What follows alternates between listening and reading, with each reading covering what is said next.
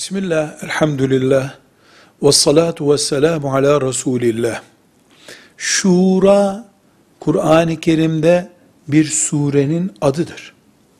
Ve Kur'an-ı Kerim'de iki ayette müminlerin karakteri olarak şura ortaya konmaktadır. Namazı emrettiği gibi Allahu Teala, zekatı emrettiği gibi şurayı da emretmektedir.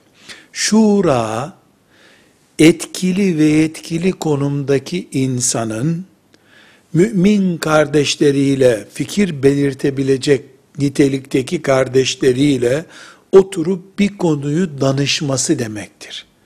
Şura yapmaya istişare denir. İstişare etmek, bilhassa müminler hakkında imza atma yetkisi olanlar için Allah'ın açık bir emridir.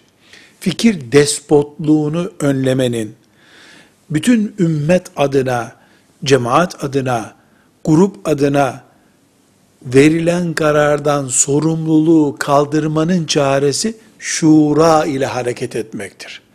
Müminlerin işleri şura iledir. Velhamdülillahi Rabbil Alemin.